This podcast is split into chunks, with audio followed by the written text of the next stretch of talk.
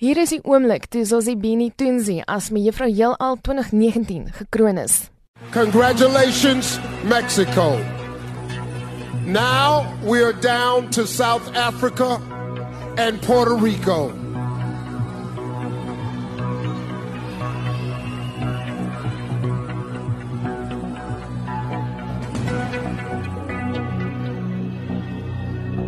Only one of you can be crowned our new Miss Universe. If for any reason the winner is unable to fulfill her duties, the first runner up will take her place. Good luck to you both. The new Miss Universe is South Africa.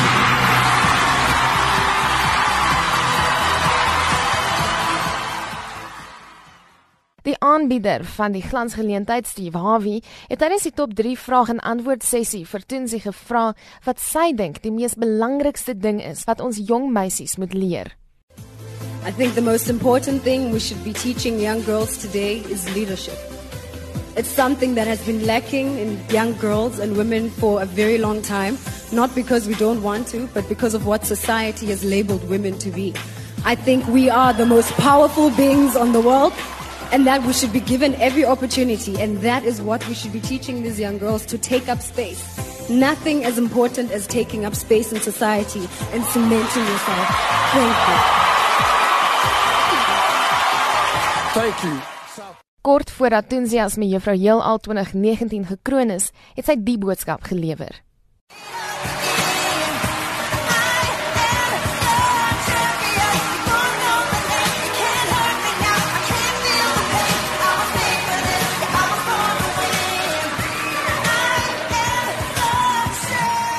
I grew up in a world where a woman who looks like me, with my kind of skin and my kind of hair, was never considered to be beautiful.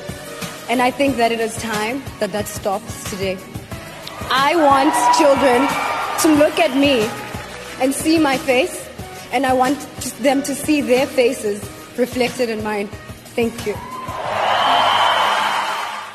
En dit was die pas gekroonde mevrou Heelal 2019 Zosibini Tunzi van Suid-Afrika. Verlede jaar was Tamrin Green die naaswenner en in 2017 was Demi Lenal Peters as mevrou Heelal gekroon. Hierdie verslag is saamgestel met hulp van Jean Esreisen, ek's Marlene Forsie vir SAK nuus.